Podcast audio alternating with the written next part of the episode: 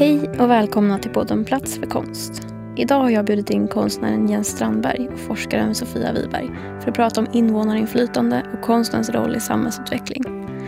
Eftersom vi har fortsatta restriktioner i och med coronapandemin är även detta avsnitt inspelat på distans och dagens gäster är med på länk. Välkomna! Idag så har vi med oss Sofia Wiberg. Du är forskare på KTH och eh, du har bland annat släppt en avhandling som heter Lyssnandets praktik, medborgardialog, icke-vetande och förskjutningar. Välkommen hit! Tack! Och Jens Strandberg är också med. Du är konstnär baserad framförallt i Stockholm och eh, du är inbjuden för att du bland annat har haft hand om projektet Bomassan i Hökarängen eh, tillsammans med Konsthall C. Eh, och idag ska vi prata lite med er två om eh, olika eh, deltagarbaserade projekt och eh, hur man kan tänka att konst ska ta plats i stadsutveckling och massa sådana intressanta frågor. Välkomna hit! Tack så mycket. Jag har ju tänkt att vi ska börja i projektet Bomassan. Eh, för det är ju så att båda ni två har varit eh, liksom mer eller mindre engagerade i det. Men jag tänker att det skulle vara en bra, det är en bra grund till den här diskussionen. Eh, Jens, vill du börja med att prata lite om hur det började och så? Ja, Bomassan, det började egentligen när jag och eh, Jenny Richards var verksamhetsledare på Konstal C. Och då drev vi ett program som hette Homeworks där vi försökte undersöka hushållsarbete och hemmets politik. Och som en del av det här programmet så ville vi ofta jobba med konstnärer som kanske kom från en annan plats än Stockholm, eh, vilket ledde till att vi gärna ville att de skulle vara i närområdet i, till Konsthall alltså det vill säga Hökarängen i södra Stockholm. Eh, men det svåra var ju att hitta någonstans att bo för de här konstnärerna. Så liksom en av grundtankarna till Bomassan var att skapa en sorts artist in residency där de konstnärer som vi skulle jobba med helt enkelt kunde bo på plats. Eh, så det liksom, och det blev grunden för eh, Bomassan som sedan fick liksom arbetstiteln Forskningsstationen som var en eh, pelare inom Bomassan. Det var lite där det började i grunden. För sen så tog det här jättemånga olika former kan man säga. Eller det känns ju som att det liksom poppade upp olika, eh, olika bomassan men det var väl egentligen ett helt projekt. Vad är liksom, eh, vad, är, vad är kåren i eller vad är liksom kärnan i det här eh, hela arbetet? Som ändå var, pågick under flera år. Ja men exakt. Um, så, så det här växte då senare till eh, bomassan över tid. Um, Eh, Eh, och grunden i det var väl egentligen att ta de här frågorna kring hemmet och hemmets politik, alltså hushållsarbete och hemmets politik i någon sorts uppskalad version eh, kan man säga. Och eh, skapa konst utanför konstinstitutionernas väggar, utanför konsthallens vägg för att se vilket gensvar det skulle kunna få in i, i staden helt enkelt. Och eh, eh, kåren eller liksom ryggraden i, eh, i projektet handlade väldigt mycket om att skapa plattformar för människor att träffas helt enkelt i grannskapet. Um, så det var ju någon sorts idé, alltså det hör man ju kanske också på titeln på bomassan, Alltså det är en felstavning på bomässan. Eh, som var, tanken var liksom, hur kan vi skapa en invånardriven bomässa för att liksom undersöka dels vad det formatet är, vad är en bomässa, men också eh, hur man skulle kunna tänka om eh, mässformatet, man ska säga, och göra den mer från eh, en sorts bottom-up eh, version av det. Så vi gjorde, ehm, eh, dels så skapade vi då den här forskningsstationen som är en attefallare eh, som är byggd på en grannes bakgård till Konsthall Eh, men vi gjorde också en annan liksom, grundpelare i, inom projektet var eh, grannskapskontoret som var en möteslokal på torget i Hökarängen. Eh, och så från de här liksom grundpelarna så var det en rad olika konstnärliga projekt och experiment och misslyckandet och lyckandet och eh, alla möjliga sorters evenemang som kom från. Jag tror vi gjorde runt 40-50-tals evenemang på de åtta månader som vi var, hade liksom en aktiv verksamhet på plats. Sen släppte ni ju den här publikationen Gubbängsutredningen fortsätter. Eh, och där det är också om någon vill läsa mer om det här projektet så är det en väldigt rik, eh, liksom, eh, ett rikt utbud av olika liksom, in, infallsvinklar och eh, resultat och eh, bara liksom, små ingredienser i, den här, i hela det här projektet. Men eh, där skriver ju du Sofia och tillsammans med Stina Nyberg skriver ni en text i den som också liksom problematiserar konsten. Hur konsten liksom används i, i liksom stadsutveckling eller i, i samhällsplanering. Kan du prata lite mer om eh, liksom din inställning till den här typen av projekt? Jag förstår att det är lite yeah. olika, olika typer av projekt som man eh, pratar om då. Men Ja, Nej, men jag tänker min forskning har ju främst handlat om medborgardialoger i stadsplanering. Ehm, men jag kan se liksom liknande liksom finns väldigt mycket överlappande liknande tendenser mellan konst och stadsplanering och medborgardialogisk stadsplanering. Um, och det är liksom dels, en av de sakerna är att det finns en stora förhoppningar på vad det här ska göra för, för planeringen. Um, och när man pratar om medborgardialoger så är det ofta eh, så att man pratar om att ja, men om invånarna blir liksom inblandade så blir det mer demokratiskt och det kanske kommer liksom bättre beslut och alla kommer kunna ställa sig bakom besluten och så. Och eh, eh nu när det liksom även börjar bli mer och mer vanligt eh, att bjuda in konstnärer till att inte bara göra offentliga verk utan också vara med tidigare i processen eh, och liksom vara med eh, i tidiga skeden och vara med och planera. Och där just eh, konstnärer ibland också bjuds in till att få vara med och eh, skapa dialog och eh, liksom bjuda in invånare och så. Eh, så finns det också, eh, alltså det finns mycket som är väldigt intressant med det här men jag ser också att det finns risker att man lägger lite för höga förhoppningar på vad det här ska åstadkomma också. Att det är lite lik, på liknande sätt blir att konsten ska komma in och skapa demokrati eller lösa segregation eller öka valdeltagande. Ehm, och det här tänker jag är inte så att det, upplever inte att det är fel att som Bomassan tycker jag inte, det är inte, ser inte projektet i sig som något problematiskt. Det är mer när det läggs för, för höga för, förhoppningar på konst i planering, att det ska åstadkomma så stora, stora strukturella förändringar. Eh, som det är möjligt att det skulle kunna förändra saker, men det kan inte vara det som är själva utgångspunkten. Jag tänker att det är snarare liksom politik, strukturell politik, som, fördelningspolitik som behövs. Så det är en typ av instrumentalisering som är lite liknande i med hur medborgardialog används i en liksom, politisk retorik ja. i alla fall. Och, eh, Precis. Med konst. Precis. Ja. Jag tänker att det också är skillnad på om det är ett konstnärsdrivet initiativ som Bomassan och eh, på hur retoriken ser ut om det skulle vara en offentlig förvaltning som beställer. Du har ju skrivit det när du till exempel var följeforskare i Konsthänder. Då skrev du om Johanna Gustafsson Fürsts konstprojekt Kollektiva kroppen i Karlskrona. Nej, men, eh, återigen så ser jag de här kopplingarna mellan medborgardialog och liksom konst i, eh, i tidiga skeden.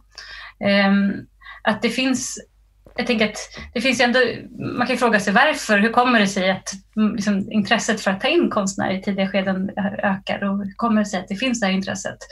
Och jag tänker att en, en anledning eh, är att det, också, liksom, det finns kanske en längtan i kommuner och i byråkratiska system att hitta andra sätt att planera på, att hitta andra metoder för platsförståelse eh, och att försöka liksom rucka lite på de vanliga sätten att arbeta på. Och att konstnärer då som har andra arbetssätt kan komma in och liksom ibland möjliggöra eh, andra liksom sätt att göra saker på. Eh, och Samtidigt så är inte kanske kommunernas arbetssätt anpassade till eh, att ta emot det. Så att för att ge ett exempel så tänker jag på ett arbete som gjordes för några år sedan i ehm, eh, eh, Haninge som heter Poseidons torg där två konstnärer, Johanna Gustafsson Fürst och Eva, eh, och Eva Arnqvist gjorde ett projekt där de, som hette eh, En lekplats i mitten, där de skulle göra en, eh, eh utveckla ett torg där som heter Poseidons torg. Och där fanns det liksom en, en, de blev inbjudna av kommunen att arbeta och för att göra något, en annan typ av process kring att förstå den här platsen. Och de genomförde eh, ja, både ett seminarium men också olika workshops med boende och eh, folk som jobbar i kommunen. Eh, och eh, sen så slutade det här med att de gjorde som en liten parad med små skyltar där de skrev på saker som de ville ändra.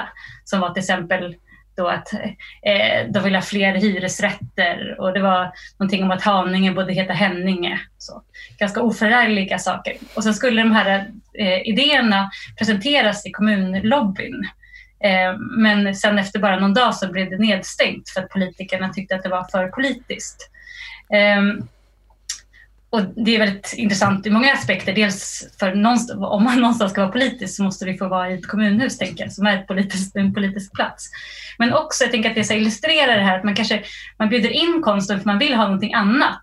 Men sen när det inte blir det man hade tänkt sig, för det som, som politikerna sa var att men vi trodde att det skulle vara blommor och det skulle vara liksom gulliga saker som skulle komma fram. Och då när det händer någonting annat än det man har tänkt sig, då liksom stänger man ner istället. Um, och det här jag tänker, och det som ett annat sätt att prata om det som jag också ser i medborgardialoger är att det finns en liksom vilja till att bjuda in olika perspektiv och man vill höra andra röster och man vill nå dem som man annars kanske inte får lyssna på. Eh, men samtidigt så vill man gärna producera ett resultat av liksom fina bilder på hur invånare sitter och pratar med varandra och liksom ser väldigt glada och nöjda ut och att alla pratar i konsensus. Eh, och det är samma sätt tycker jag ibland när man ser dokumentation från konst när konstnärer varit inbjudna i vissa processer, att det också blir slutresultatet blir också att man visar hur, liksom, hur bra och lyckat allt har blivit.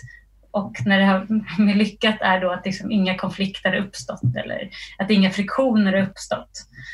Um, och där så ser jag att jag tror att det är någonting som går missat.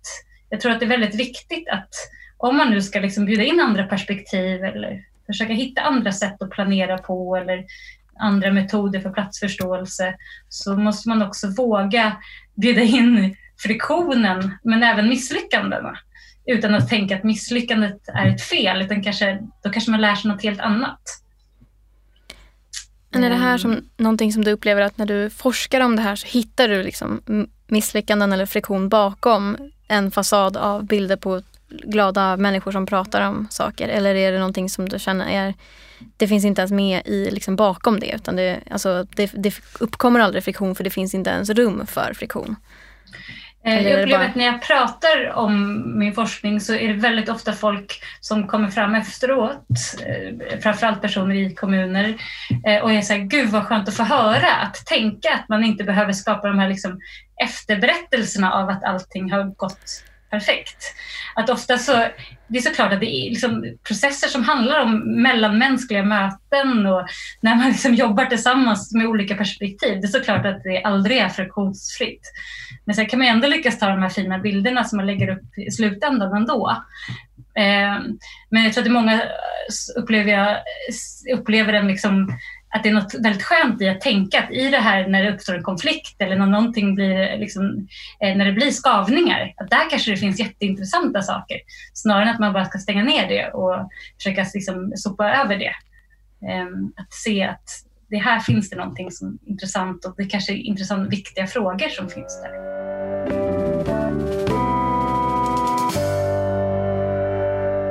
Du skriver ju i Gubbänksutredningen fortsätter så skriver du om konsten som övning och det tycker jag är väldigt så här, um, fin formulering för att det är också det som jag tänker att många, um, många konstnärer som har den typen av praktik nu kanske mm. inte känner att de har en plats i den offentliga konsten men att om man tänker att konst har plats inom liksom stadsbyggnadsfältet eller liksom utveckling av områden och sådär så är, finns det den här liksom sociala praktiken eller den typen av aktioner och sånt kan ju få plats i, liksom få relevans i, i, ett, eh, i ett annat perspektiv då och inte kanske som en permanent gestaltning på ett torg utan har, alltså, Du pratar till exempel om det här med så här, konstnärliga stadsvandringar eller till och med konstnärlig folkbildning som en metod för så här, att nå ut till andra eller få annat typ av engagemang. Mm. Ja, men precis. Jag tänker alltså i det som jag har eh, gjort eller det som jag intresserar mig av inom min konstpraktik är ju att hur konsten kan bli liksom ett experiment och en övning precis som kanske det som Sofia också efter lite grann, efterlyser lite grann. Alltså att det inte liksom bara blir en framgångssaga där den här skulpturen eller, eller utsmyckningen eller vad det nu är eh, kan man njuta av i, i framtiden utan att det också får vara misslyckande och konflikter och att de, alla de här delarna är en del av eh, en process. Eh, och som jag, jag skriver om det där konstnärlig folkbildning men jag tänker att det är en sorts studiecirkel som en konstnärlig metod. Alltså att man träffas och där jag kanske har en agenda eller en idé men alltid är liksom öppen för att den agendan och idén kan förändras. Och det tror jag, alltså från, som konstnär, är något man alltid liksom tampas med. För man kommer, alltså, dels så måste man ju söka medel och liksom finansiera. Så man måste ju ha en sorts idé för vad man vill att projektet ska åstadkomma. Och samtidigt vill man hela tiden att den där idén ska liksom plockas isär och ifrågasätta och bli någonting annat. Så det alltid har den här öppenheten inom den idén. Och det där är, det där är jäkligt svårt ibland för att det, det kan vara eller liksom att man har eh, man vill stå på sig för sin idé men det kanske inte finns något befogenhet för den längre. och Då måste man kanske släppa den. Och Det är superintressant liksom, när, när man vågar göra det för då uppstår oftast någonting ännu mer intressant i längden. Ja, alltså man har ju, eh, eller jag får ju en sån eh, eh, det blir väldigt överväldigande det här projektet på många sätt för att det är så många aktörer och så många olika fält som ska liksom mötas. Eh, arkitektkontor och medborgare och eh, liksom KTHs arkitektstudenter och eh, hela, alltså det är så många olika agendor och viljor och eh, liksom sådana motstridiga saker, får jag för mig. Men det kanske är men då tänker jag att det, det kanske är det som skapar den liksom friktionen som behövs för att det ska drivas på. Ja, men det var ju också väldigt jobbigt inom vissa delar av projektet. Det ska man ju inte sticka under stolen med. Alltså att det finns många olika viljor eh, och eh, personer och eh, institutioner som blir mer eller mindre besvikna. Och jag tänker att en av mina arbetsmetoder var liksom att inte säga nej så mycket utan att om det kom upp någonting inom projektet så försöka inkludera det inom projektet så till den mån det gick. Liksom. Och framför allt när det kom från grannarna som bodde där. Om det var någon som ville skapa en matlåde, eh, ut, lunchlåda utbyte eh, och då istället för att säga att det här är inte det som det här projektet handlar om utan snarare snappa upp det och säga ja men då gör vi det och så lägga ut det på eh, hemsidan eller vad det är och försöka få med en liten grupp. Och så blir det en liten grupp och så spåras det där igång. Um, um, så jag, jag, tänker det som arbetsmetod var ju liksom väldigt mycket att, här, att dra in så mycket som möjligt, vilket får den där eh, känslan av att gud, hur ska det här komma samman? Men också lita på att det kanske bara kommer samman av att inkludera det in i, in i undersökningen. Och där blev ju den här boken en, en ganska viktig del för den kunde på något vis hålla samman de här olika trådarna i, i en bok. Så.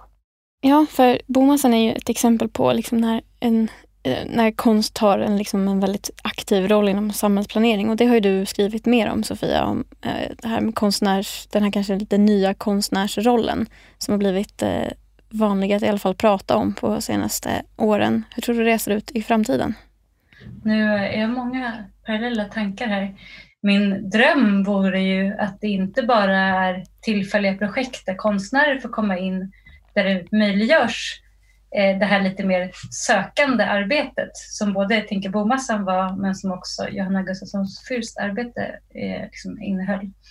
Eh, utan att det också skulle vara, eh, liksom läggas in i ordinarie stadsplaneringspraktik. Eh, för jag tror väldigt mycket på att det är viktigt att få förhålla sig till en plats mer, mindre liksom mål eh, definierat från början utan faktiskt få liksom vara mer förbehållslöst och sök, sökande och vara på en plats och liksom se vad, vad platsen säger till, till en snarare än tvärtom. Eh, för Johanna Gustafssons Furst arbete, det som jag tyckte var intressant med det men också liksom hela den här eh, hela Konst händer-projektet, det är väl att det just är den här dubbelheten. Alltså, det är så lätt att, tycker jag, att hamna liksom, antingen att kritisera något liksom, jättemycket och prata om det, att liksom, det här är bara någon liksom, konsttvätt. Här kommer konstnärerna in och så, så pratar man om det som att nu har vi liksom demokratiserat. Så. Eller så pratar man om det så här, oh, nu kommer konsten in och så, så kommer vi liksom lösa massa problem. Men att man istället kan hålla det här liksom både och samtidigt. Eh, och det tyckte jag alltså Johanna Gustaf Fürst själv också formulerade väldigt väl. Att, jag menar, hon både kände till själva ramarna och var kritisk till många av ramarna eh, just för att hon inte upplevde att konsten kunde erbjuda liksom, öka valdeltagandet eller eh, demokratisera. Eh, men Samtidigt så kunde vi också se att i det här projektet hon, när hon som hon fick pengar för då, inom ramen för Konsthänder, så fick hon också liksom tid för att kunna bo och vara på en plats under lång tid. Att kunna liksom skapa möjlighet till att skapa samarbeten och också arvodera de som var med. Eh, att kunna liksom skapa en process eh, av att göra ett offentligt konstverk som fick ta tid. Eh, som jag tänker liksom, den också kunde hitta andra frågor som var viktiga längs vägen. Och där tänker jag också att det finns paralleller, även om det är så olika initiatörer eh, om man jämför med bomassan. Men så fanns något intressant i bomassan också i att frågorna fick liksom väckas allt eftersom. Eh, så det är inte det här att, ja, precis som Jens beskrev, det kanske fanns vissa idéer men det var också självklart att ni fångade upp saker som kom längs vägen. Eh, och det tänker jag är väldigt viktigt, om man, framför allt om man ska liksom också göra något i dialog. Det går inte att komma och tänka att man ska dialog om man sen bara har sin egen agenda hela tiden. Um, ja. Men nu undervisar du också på KTH på alltså de som, jobbar, som kommer att jobba med samhällsplanering och eh, sånt i framtiden. Är det liksom någonting som du ser som, eh, som finns intresse för? Att jobba med konst? Mm. Eh, Ja, jag tror att kanske det inte finns jättemycket kunskap om det, men eh, en kurs som jag höll förra året så bjöd vi in ehm, en konstnär och pratade om hur hon hade arbetat och så. Och det mottogs väldigt väl. Så ehm, jag skulle nog snarare se att det är många som, som utbildar sig som är intresserade att jobba liksom dialogbaserat och jobba med liksom, ja, invånarperspektivet. Det kan jag se väldigt tydligt konst är nog inte lika vanligt ännu, skulle jag säga.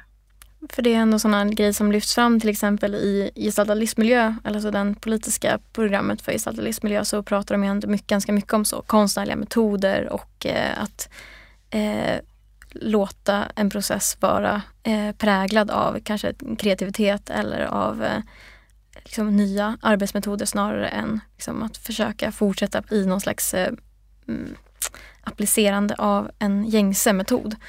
Eh, men, eh, precis, men då måste jag kommentera en sak. Att jag tänker så här, det är inte så att eh, när jag eh, träffar studenter att det är så många som pratar om just att bjuda in konstnärer. Däremot upplever jag att utbildningen inom då urbana och regionala studier på KTH, att det ingår massa olika liksom, lekfulla kreativa sätt att eh, möjliggöra platsförståelse. Så jag upplever att planerare på många sätt får med sig väldigt mycket olika sätt att arbeta på. Men det är väl snarare sen när de kommer ut och ska arbeta i en kommun eller ja, var de nu hamnar, att sen finns kanske inte den tiden att göra de liksom analyserna för att ja, det är korta tidsperspektiv. Så, så att jag på ett sätt tänker att det arbete som Johanna Gustafsson Fürst gjorde till viss del inte skiljer sig jättemycket från vad, vad vi lär ut på vår utbildning kring hur man ska förstå en plats. Men att de här projekten kanske ger möjlighet att utföra sådana undersökningar i liksom större ja, grad? med längre tidsperspektiv, ja. Jag tänker också att det är, um, alltså det är, det är sega processer inom förvaltningar och det är ju en anledning till varför det är det. Alltså det är ju en demokratisk anledning att det ska vara lite segt också. Men där man som konstnär kanske eh, i alla fall alltså, att göra bomassan och så. Vi hade ju ingen kommun som hade någon, vi hade ingen press från någon kommun eller från någon institution som sådan att vi skulle leverera på ett, på ett visst sätt. Utan det var, fick ju vi bestämma och därför kunde vi ha den här flexibiliteten inom projektet som man kanske inte har på ett kommunalt anställning som planerare.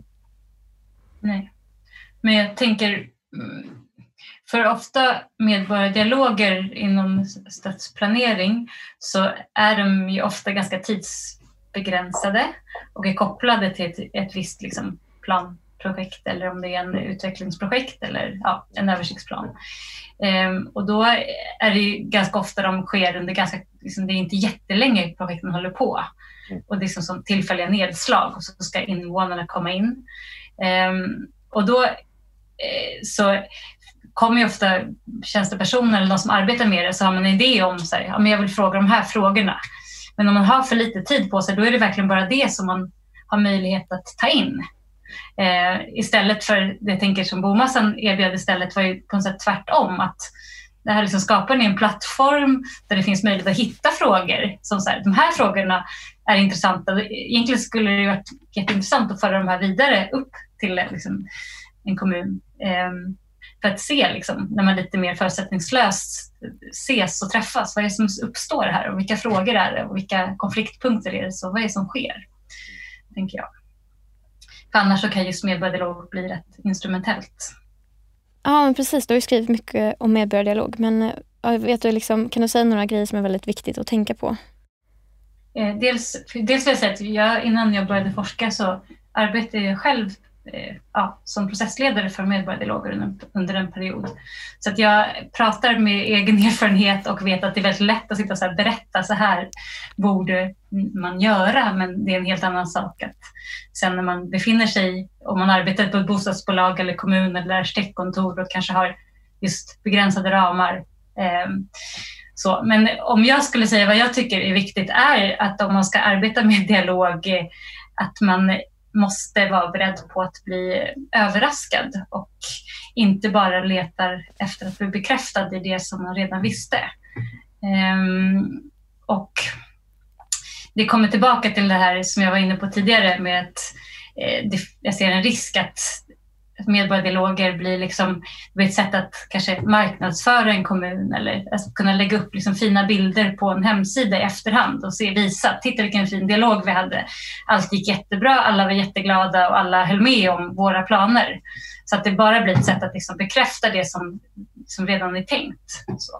så då tänker jag att om man ska ha en dialog så måste man också vara beredd på att att dels att ta emot liksom, konfliktfyllda perspektiv Ehm, men också just att liksom, leta efter det som man, eh, alltså lyssna mot det som man in, som inte bekräftar en helt enkelt. Um, och också lyssna mot det, att stå, liksom, våga stå kvar i det som man inte förstår, tänker jag också. Um, men med det sagt så tänker jag också att då kan inte en dialog vara att checka av saker på en lista. Alltså, vad vill ni ha fler eh, bostadsrätter? Vad vill ni ha fler eh, köpcentrum? Jag vet inte. Alltså, då måste det vara mer samtal som är lite djupare samtal. Och för det så krävs ju också tid. Eh, men utifrån både erfarenhet av att ha arbetat med det själv och också att liksom, ha pratat och intervjuat folk som jobbar med det så ser jag det som ja, men otroligt viktigt att om man ska hålla på med dialog så måste man också ge tid för det. Och det måste finnas utrymme för att just det Jens var inne på, att det får liksom, måste ske saker i mötet där man kanske kan komma med frågor som man är intresserad av att ha svar på, men att man också behöver vara öppen för att ta emot det som, ja, som man inte visste helt enkelt. Mm, ja, för du pratar om det här med skav och med liksom, eh, kanske konflikter och sådär. Vad, vad finns det för liksom, forum eller för eh, möjlighet att eh, lufta sådana här saker? jag tänker att så här, det kanske inte är på hemsidan man lägger upp en bild på när folk bråkar. Eh, då kanske man ändå vill lägga upp en fin bild på när folk kommer överens men att eh, liksom finns det något eh, för det, det, det, känner jag i liksom eh, man kanske tar upp sådana saker med sina kollegor men det, det borde ju också kanske vara någonting som diskuteras i någon slags jag vet inte, mellan olika eh, förvaltningar eller mellan olika kommuner. Eller jag vet inte att det finns en sån så här, någon slags samordning. Eh. Ja, men jag tänker att det, det hänger ihop med det här liksom best practice. Att idag så, så här, Sveriges kommuner och landsting har ju delat ut priser för bästa dialogkommun och det görs filmer på liksom de bästa ja, platserna där dialoger har förts. Och att det återigen finns den här idén om liksom vad bilden på en lyckad dialog är. Att det ändå är glada människor som pratar med varandra. Om man istället skulle se att en lyckad dialog är när det liksom uppstod en del skavningar. Det behöver inte vara att folk börjar bråka, men det kan vara att bara att det uppstod meningsskiljaktigheter på något sätt. Att det är då som det är lyckat, när det uppstod någonting som vi inte hade tänkt oss. Eh, och när kommunen blev utmanad på något sätt. Då tror jag att man inte heller skulle liksom eh, då skulle det inte vara så farligt att lägga upp en bild på hemsidan av liksom människor som ser lite uttråkade ut eller som har något, liksom, ja, eh, har något, eh, ser irriterade ut. Utan då kanske man tänker att ja, men, herregud, det här är ju liksom om man tänker att vi ska liksom planera samhället och det är massa olika människor som ska vara med och tycka till om det. Det är såklart att vi inte alla kan tycka likadant. Det måste ju liksom ingå att det blir skavande situationer eller ja, att man har olika idéer om vad det här bästa samhället är. Um, men om man inte är så rädd för att det skulle vara ett misslyckande, alltså tänker jag också för den som håller i dialogen, så tror jag att det skulle vara mycket mer um, helt okej okay att lägga ut ilskna bilder på hemsidan.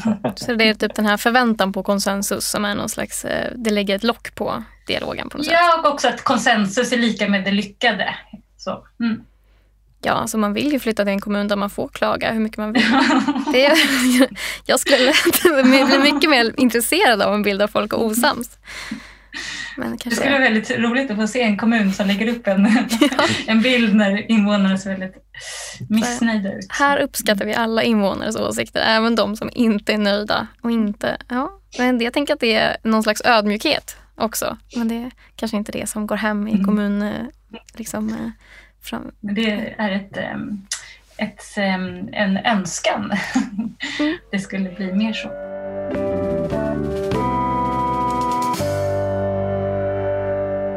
I boken Gubbängsutredningen fortsätter så eh, pratar ju ni väldigt mycket om bomassan och eh, ofta lite som att eh, den boken skulle vara som en manual. Är det tänkt att man ska kunna överföra det på andra platser och sammanhang? Jag tänker det som en handbok på något vis. Att det, det finns eh, manualer eller recept eh, som går att applicera in i andra sammanhang. Det var liksom en av tankarna med bomassan från grunden, att hela tiden jobba med det specifika. Så Hökarängen är en väldigt specifik stadsdel i Stockholm. Den är väldigt speciell i sin utformning, den är väldigt eh, liksom unik Eh, för att vara för att, i sitt format. Ehm, men att, så att hela tiden jobba med det här specifika alltså, och översättningar. Hur, Alltså, det är ju specifikt med Örbyleden som delar av eh, Gubbängen och Hökarängen.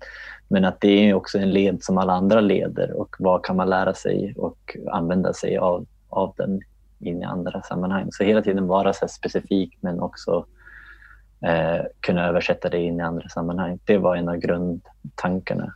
Och det tänker jag, det, nu föreläser jag en del om bomassan in i andra kommuner och, och då handlar det ju väldigt mycket om så här, ja, men så här gjorde vi inom det här projektet och det tror jag man kan använda sig av i, i andra sammanhang, i andra kommuner runt om i Sverige.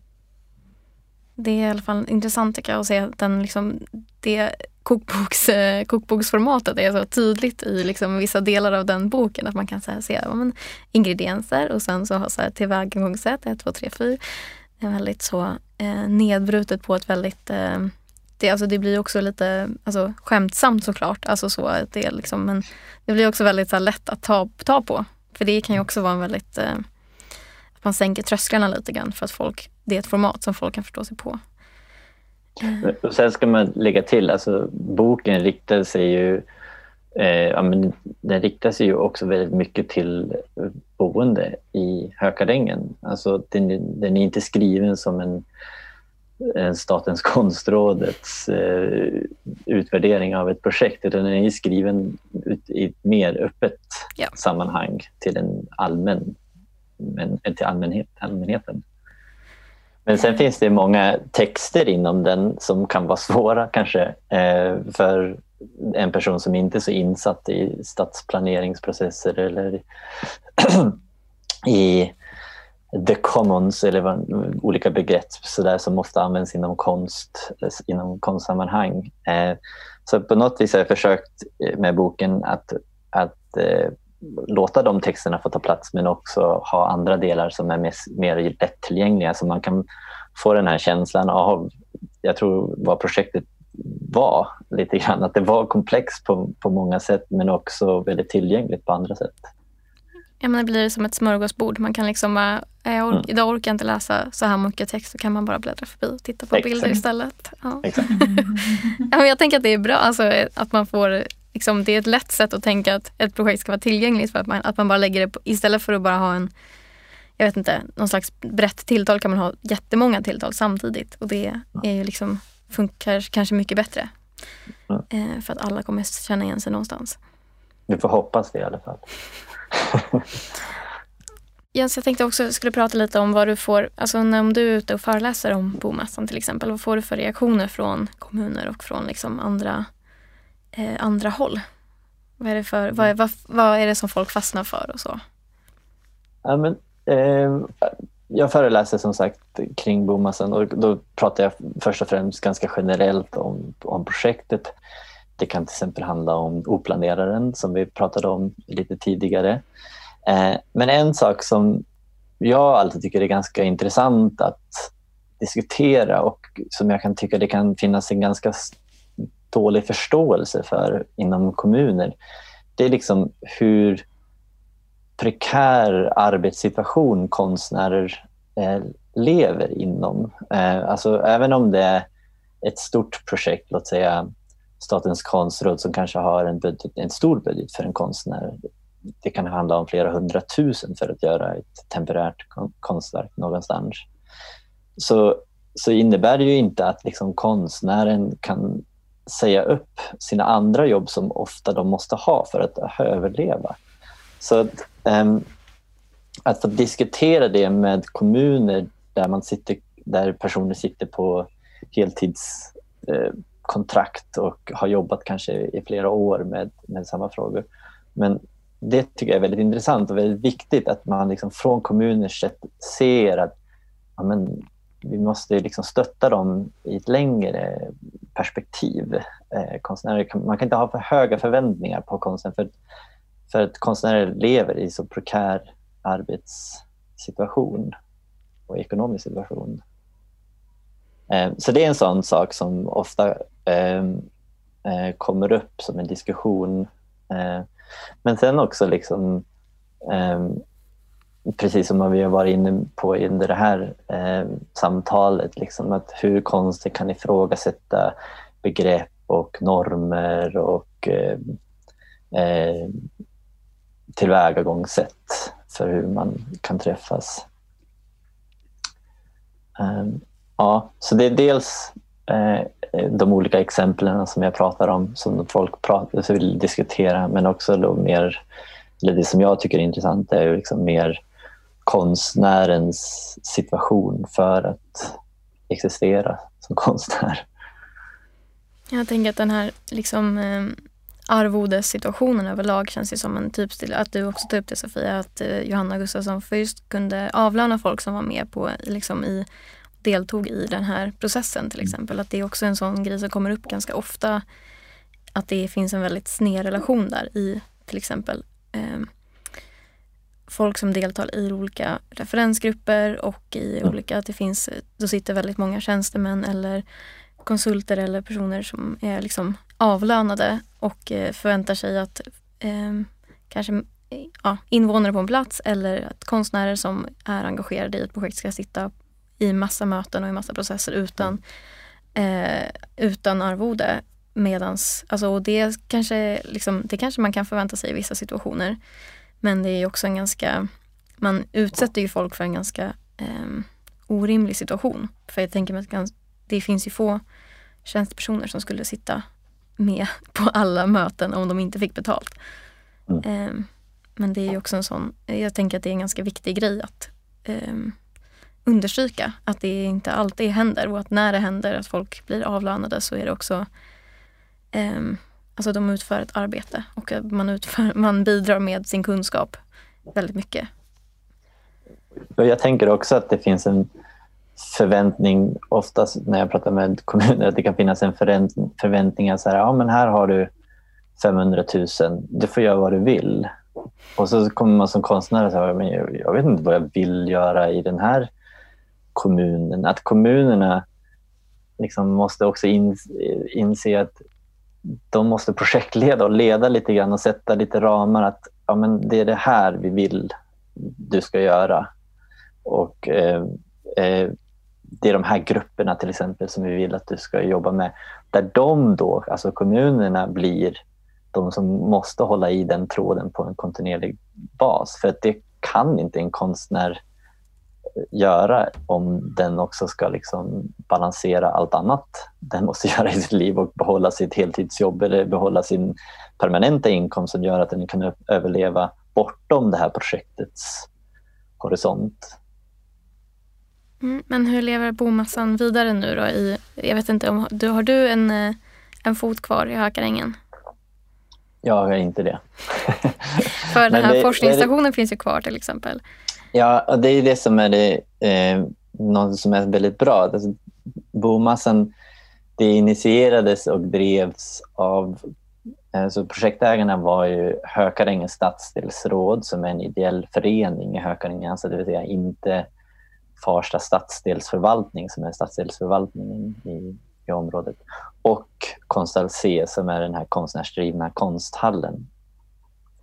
Eh, så arvet efter Bomassan gick ju väldigt mycket vidare till de två organisationerna, alltså de två för ideella föreningarna, att själva ta, ta det vidare bortom eh, den finansieringen som vi hade för det här året. Ehm, eh, så forskningsstationen har ju, eh, är ju kvar och den drivs inom Consalces eh, verksamhet och drivs av de som jobbar på Consalce. Och eh, grannskapskontoret blev lite omvandlat. Det blev det faktiskt redan under projektet till unga kontoret. Eh, och jag, så vitt jag vet i alla fall så finns det fortfarande kvar och drivs av Hökarängens stadsdelsråd. Så att det finns olika delar som har drivits vidare. Men sen är det ju eh, ofta när man jobbar med sådana här projekt, de blir väldigt personligt kopplade. Och många av de som deltog de fick en relation till mig kanske och kanske den är svår att översätta till när det kommer in andra personer som ska jobba vidare med Konsult C. Så, och det här är ju liksom ett problem inom många sådana här projekt att, att de är väldigt personligt eh, kopplade till olika personer som initierar eller, eller dragit samman det. Eh, och mycket sånt kan ju vara svårt att liksom förlänga bortom en projekttid. Eh, och, det tycker jag det blir ju på något vis Konstalses uppgift vad de vill eh, jobba vidare med eh, inom sin kommande verksamhet.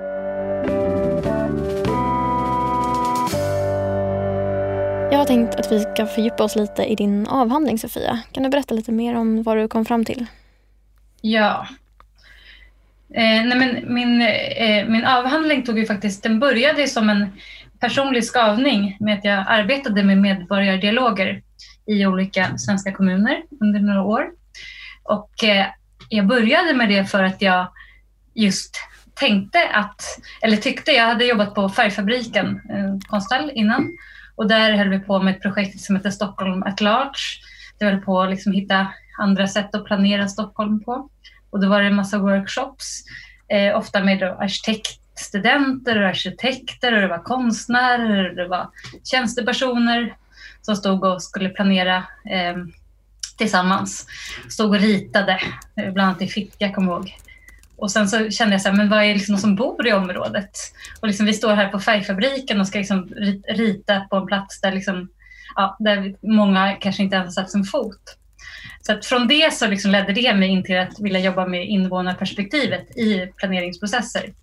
Ehm, som jag fortfarande tycker är väldigt viktigt. Men under de här åren som jag arbetade med det då så uppstod det en hel del skavningar eh, för att eh, jag upplevde precis det som jag pratat om tidigare, att väldigt ofta så var det väldigt riggade processer där i förhand, alltså det fanns liksom en klar idé vad man ville ha ut och så var det det man lyssnade till. Och sen så blev resultatet att eh, ja, men när, när jag jobbade då som frilansare, så då när jag liksom kom med materialet till politikerna i kommunen så var det så här, ja men det här var ju precis det vi tänkte oss. Och det var bra. eh, och till slut så började jag känna att men det här känns inte, nej, det känns inte bra. Och så ledde det mig in till att forska. Ehm, och eh, då så har jag, så min forskning är dels autoetnografisk, så jag har skrivit om just erfarenheterna från att ha arbetat med, med badologer. Men eh, sen har jag också grottat ner mig i eh, en medeltidsfilosof som heter Niklas Cusanus, mm. som jag tycker har väldigt bra eller intressanta perspektiv som går att använda till, på vår samtid. Och en av de sakerna då är att han pratar om att vi har ett förnuft som är tvådelat. Eh, och han kallar de förnuftsdelarna för ratio och intellectus. Eh, och ratio är den delen av vårt förnuft som förhåller sig till livet som att det skulle gå liksom att räkna och kalkylera och mäta. Eh, så man skulle kunna tänka sig livet som ett pussel. Om man bara hittar alla bitarna så har man liksom helheten framför sig. Att det helt enkelt går att hitta helheten. Ehm, och om man tänker liksom stadsplanering från ratioperspektivet så handlar det mycket om att hitta evidensbasering och hitta, hitta effektivare liksom mätmetoder och planeringsmetoder och just liksom då kunna hitta de som bättre för att hitta de bästa sätten att planera på. Och att komplexiteten som finns i stadsplanering går att lösa genom att hitta de här metoderna. Ehm, men eh, Cusanus hade då en annan del av förnuftet som han kallade för intellectus, som han menar är minst lika viktigt. Eh, och den delen av vårt förnuft förhåller sig istället till livet som att det är omöjligt att greppa helheten. Att livet överflödar oss. Eh, vi kan till exempel aldrig veta exakt hur någonting kommer bli i framtiden. Ehm, och det är inte heller någon människa eller något fenomen som går liksom, att fånga helt genom att kategorisera. Så att han menar att den här intellektusdelen förhöll, förhåller sig istället till dimensionen av icke-vetande, att inte veta. Att livet handlar väldigt mycket av att inte veta, men att ändå, om man kopplar tillbaka till stadsplanering, ändå behöver man planera och ta beslut ändå, men i relation till att inte veta. Um, och um, om vi liksom tänker att mycket i samhället idag ändå liksom har mycket ratiotänket. Så eh, att intellektus är någonting som många liksom kanske tappar kont äh, tappat kontakten med. Att det är just något som man vill komma bort från. Man vill hitta svar på allting. Att relatera till att man inte vet är liksom mycket svårare och liksom kanske inte känns så professionellt att säga så här, jag vet inte. Men eh, om man ska gå, till, liksom, gå tillbaka till Casanders tankar så, så behövs liksom både, det behövs ett samspel mellan det här ratiot och intellektus. Och att eh, vi skulle liksom behöva ge mer tid till att eh, våga stå i det här icke-vetandet och liksom, istället för att direkt gå in på lösningar beroende på vad jag är röst för så kan helt andra olika saker framträda. Och att våga stå kvar i det här, att inte veta. Och också, det kommer också tillbaka till att våga stå kvar i eh, det som är liksom, man inte riktigt förstår istället för att direkt liksom försöka förklara saker. Att våga stå kvar att, i det som är komplext och skavande lite längre så kan man också liksom bredda repertoaren för vad man kan höra för någonting. Och i längden också fatta mer liksom klokare beslut. Um, och där tänker jag bland annat att återigen när vi pratar om bomassan och liksom den typen av projekt där det finns lite utrymme att också få vara i det där. Där allting inte behöver vara så målstyrt och direkt komma till en lösning.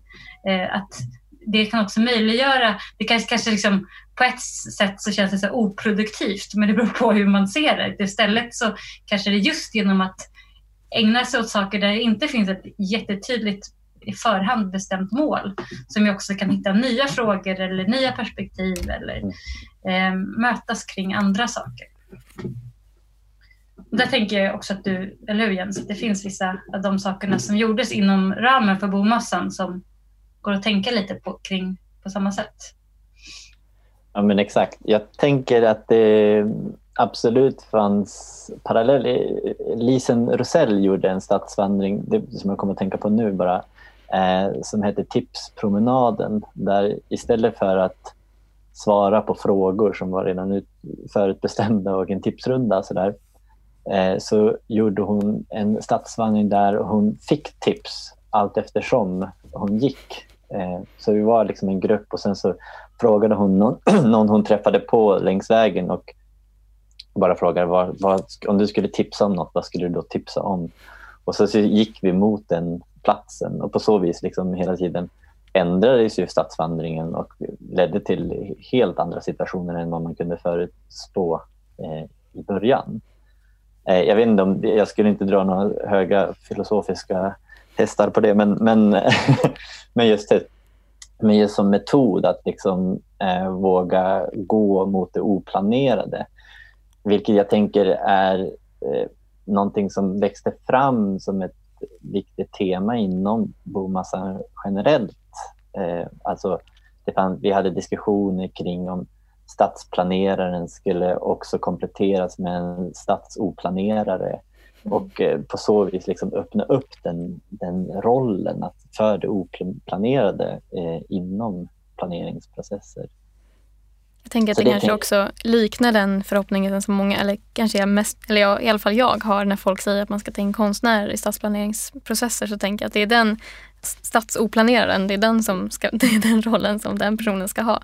Men, ja, men eh, exakt. Men sen så tänkte jag också när, när Sofia pratade så tänkte jag på att i Hökarängen som är då den här grannskapsplaneringen, eh, det vill säga att det finns grannskapsenheter och sen så är det små naturområden som liksom skiljer dem där åt, de här grannskapsenheterna. Eh, men det är just de här naturområdena som skiljer de här grannskapsenheterna åt som man nu börjar liksom nagga lite grann i kanten. Och det är de man vill liksom bygga på. Och eh, det var liksom, när vi pratade med politiker och planerare så, så är det liksom, tanken att de är bara tomma, att de inte används. Att det är liksom icke, icke-rum. Men det säger så mycket liksom om, vår, om, om den politiken, att kalla dem dels för icke-rum men också inte se vad för sorts liv som faktiskt pågår i de här naturområdena. Och, så det tänker jag var en, en liksom viktig del inom bomassan var att, att gå in i de där naturområdena och se verkligen vilka det var som använde sig av dem och, liksom vilket skräp som finns där. För det är ju, på något vis så avslöjar det väldigt mycket om vem det är som, som nyttjar de områdena. Och när man gör det, då ser man ju att de här områdena använder sig jättemycket, men kanske inte av de personer som kommunen vill ska använda dem. Och det är en helt annan fråga. Då börjar man liksom plocka isär den här frågeställningen i, i grunden. Liksom, vilka personer är det då vi vill ska ta del i staden och engagera sig eller så. Det blir också någon slags bevis för den här eh, snedfördelningen av ratio intellectus tänker jag. Att det finns en sån, så här, allting som är klassificerat i en detaljplan är, det är giltigt och allting som är bara in, mellanrum, det är inte, gills inte fast för att det är liksom någon slags mellanrum bara, inget, inget specifikt. Men också typ så här, vilka personer är det som man det är de, alla som har ett personnummer, de gills och de som inte har det, de, är inte, de gills inte. Att det är liksom en, man kan räkna saker och så kan man det som man inte kan räkna är liksom inte med. Eh, och det är väl det som är din slutsats också, tänka Sofia, i din, i din eh, avhandling någonstans. Att så här, man måste ge plats för icke-vetande eller för intellektus eller för någon slags undersökande i alla processer också för att annars blir det liksom inget, eh, inte balans mellan de två Ja, och att liksom på något sätt så är liksom den intellektusdelen förpassats till någonting som man ska göra när allt annat är klart. Som någon extra lyx. Som säger, ja, men det här kan vi göra sen, då kan vi ställa oss och liksom undersöka saker. Men att, Eh, att, och jag tänker att det kan finnas en konflikt mellan, nej men vi har akuta problem vi ska lösa här och nu. Vi har inte tid för liksom intellektus, vi har inte tid att ställa oss i det skavande eller i det som är svårt att förstå. Men det, min poäng är att för att kunna lösa de här komplexa frågorna så måste vi också ge utrymme för det här mer liksom, eh, stå kvar i icke-vetandet. För det är också där vi kan hitta andra lösningar som inte är fast i de kategorier som vi är vana att se saker ur. Så, så att det är något som gäller alla människor, inte bara konstnärer. Så. För jag tänker annars att absolut att konsten har en mer utvecklad relation till eh, just intellektus, att det är en del av liksom, konstens förmåga. Men att det bör gälla alla. Eh, och att det är liksom på något sätt eh, som en politisk, någonting där man, vi behöver forum, där jag tänker liksom att dialogforumen skulle kunna vara sådana forum där man kollektivt liksom kan undersöka, vad är vi på väg som samhälle? Eh, vad vill vi vara på väg?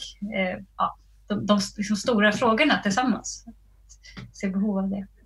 Exakt, och där tänker jag också, eftersom vi lever i en tid där liksom urbana normer råder och om vi ska få plats i större städer så måste de liksom förtätas. Så, så samt, och det är ju det man gör i Stockholm och andra större städer. Man förtätar dem helt enkelt. Och samtidigt så blir vi liksom mer eh, isolerade från varandra. Och det är liksom någon sorts paradoxal utveckling att, att vi bor närmare och, och tätare in på varandra men vi blir mer och mer isolerade från varandra. verkligen. Vad ska man göra för att motverka det då, Jens? Bra fråga. Om man vill motverka det helt enkelt. Eller om det, liksom, det finns ju ändå någon slags paradox i det som du säger. Att här, ju närmare man kommer desto mer vill man isolera sig. Men finns det någon, någon annan men, rörelse man kan göra? Nej, men jag menar, eh, jag tänker att kanske en av, en av eh, målen med bomassan då i det här fallet, det var ju att skapa platser eller plattformar eller så där, den, där man kunde bryta den här isoleringen fr från varandra. Alltså, um, en av tankarna med grannskapskontoret var att skapa ett offentligt hem. Det var något som jag och Jenny också hade jobbat med under, under Homeworks.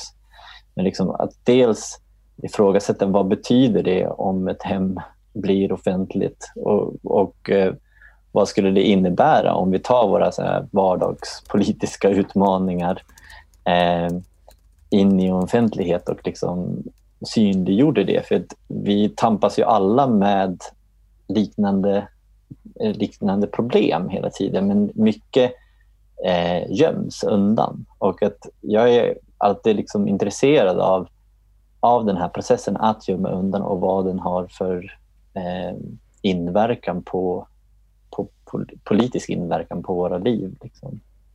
Vilket jag tänker precis samma sak som det här med de här glada bilderna. Vad är det som göms, göms undan då? Mm. Så, Exakt. När vi väljer att bara lyfta fram det som har gått bra. Vilket jag också tänker skulle kunna vara, alltså menar, alla, en, en bild på glada liksom, eh, invånare på en plats som har, kommer överens om hur man ska liksom, bo i den stadsdelen skulle ju kunna betyda så här, gud vad bra att folk har träffat nya liksom, eh, bekantskaper i sitt område. Men det tänker jag också är en sån sak som sällan händer på dialog, i dialogprocesser. Att folk blir liksom, hin, fit, alltså så här, hin, finner varandra. Liksom, utan att det snarare blir så kanske att man att det blir, alltså eh, man pratar med de som planerar och kanske inte så mycket med varandra. Så det skulle Nej. egentligen kunna vara ett forum där man också eh, kittar ihop ett, ett, liksom, ett grannskap eller ett samhälle. Nej men verkligen. Men då tänker jag också att det behövs mer liksom långsiktiga perspektiv och återkommande träffar och att det tar tid att skapa den typen av liksom dialog där folk lär känna varandra. Mm, har ni någonting mer som vi, ni vill att vi ska få med innan vi avslutar det här avsnittet? Men jag, funderar, ja, men jag funderar på en sak mm. eh, kring medborgardialog. Mm. Eh, och för det jag tänker just det här med att prat, när jag pratar mycket om liksom intellektus och icke-vetande och stå kvar i att inte veta och så. så går det ju såklart att liksom, det, det, står emot tanken på att om vi ska ha dialoger så måste vi faktiskt eh, bli liksom något konkret av dem. Eh, och den liksom, paradoxen förhåller jag mig till och tänker kring. För jag tror att det finns, eh, jag kan se liksom båda, båda behoven. Jag kan, både, jag kan förstå den här grejen att ja, sätta igång massa dialoger där vi bara ska stå i ett icke-vetande och söka. Ja, okay, men liksom, invånare kommer bli jätteledsa på det här. De vill se konkreta resultat. Så.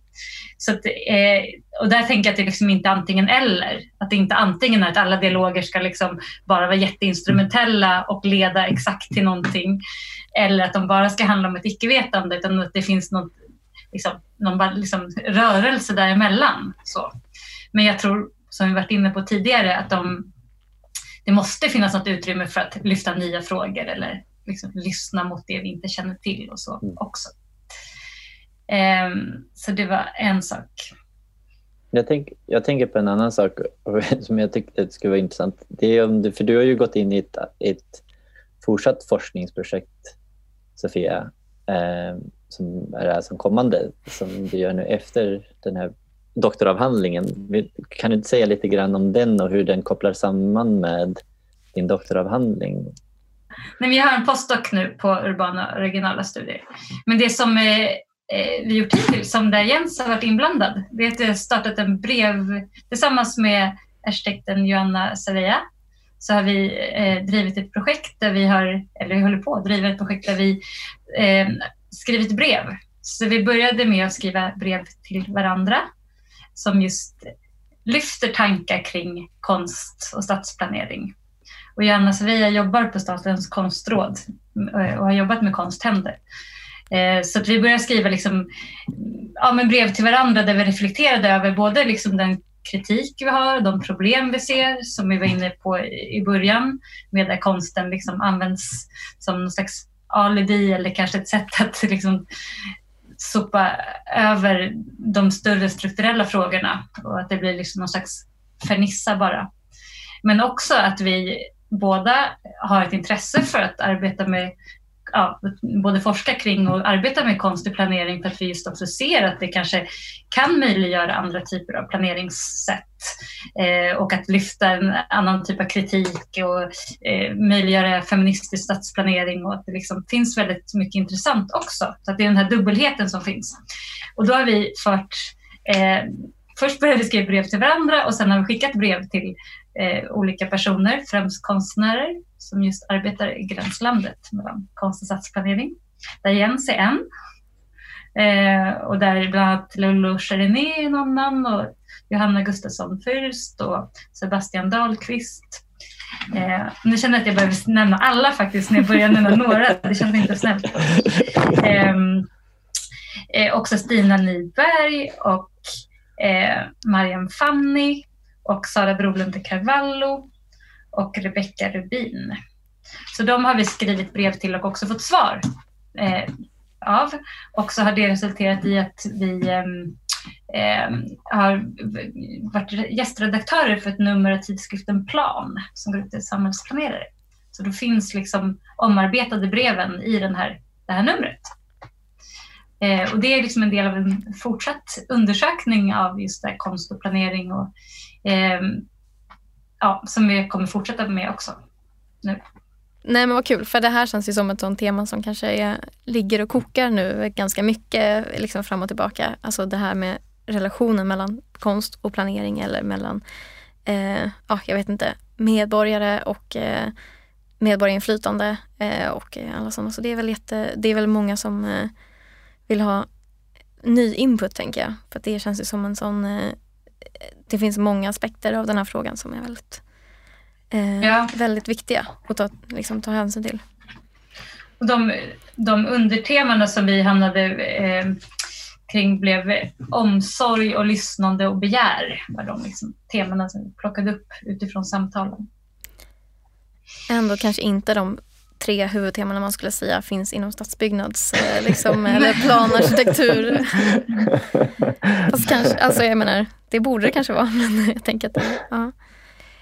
Men spännande. Jag tänker bara på hur, vilka spännande städer det skulle bli om man hade de tre de ja. tre ledorden istället.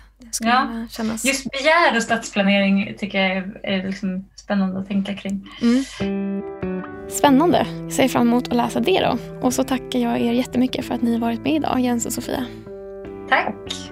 Tack. Och för er som är mer nyfikna på bomassan finns boken Gubbängsutredningen fortsätter att beställa på nätet eller besök deras hemsida bomassan.org. Om ni vill läsa mer om Sofias forskning finns hennes avhandling att ladda ner på DIVA. Länkar till artiklar finns på KTHs hemsida och Följeforskningen till konsthänder finns tillgänglig på Statens konstråds hemsida. Tack för att ni lyssnat idag. Jag heter Molly Sjögren och det här är Art Platforms podcast Plats för konst. Vi ses!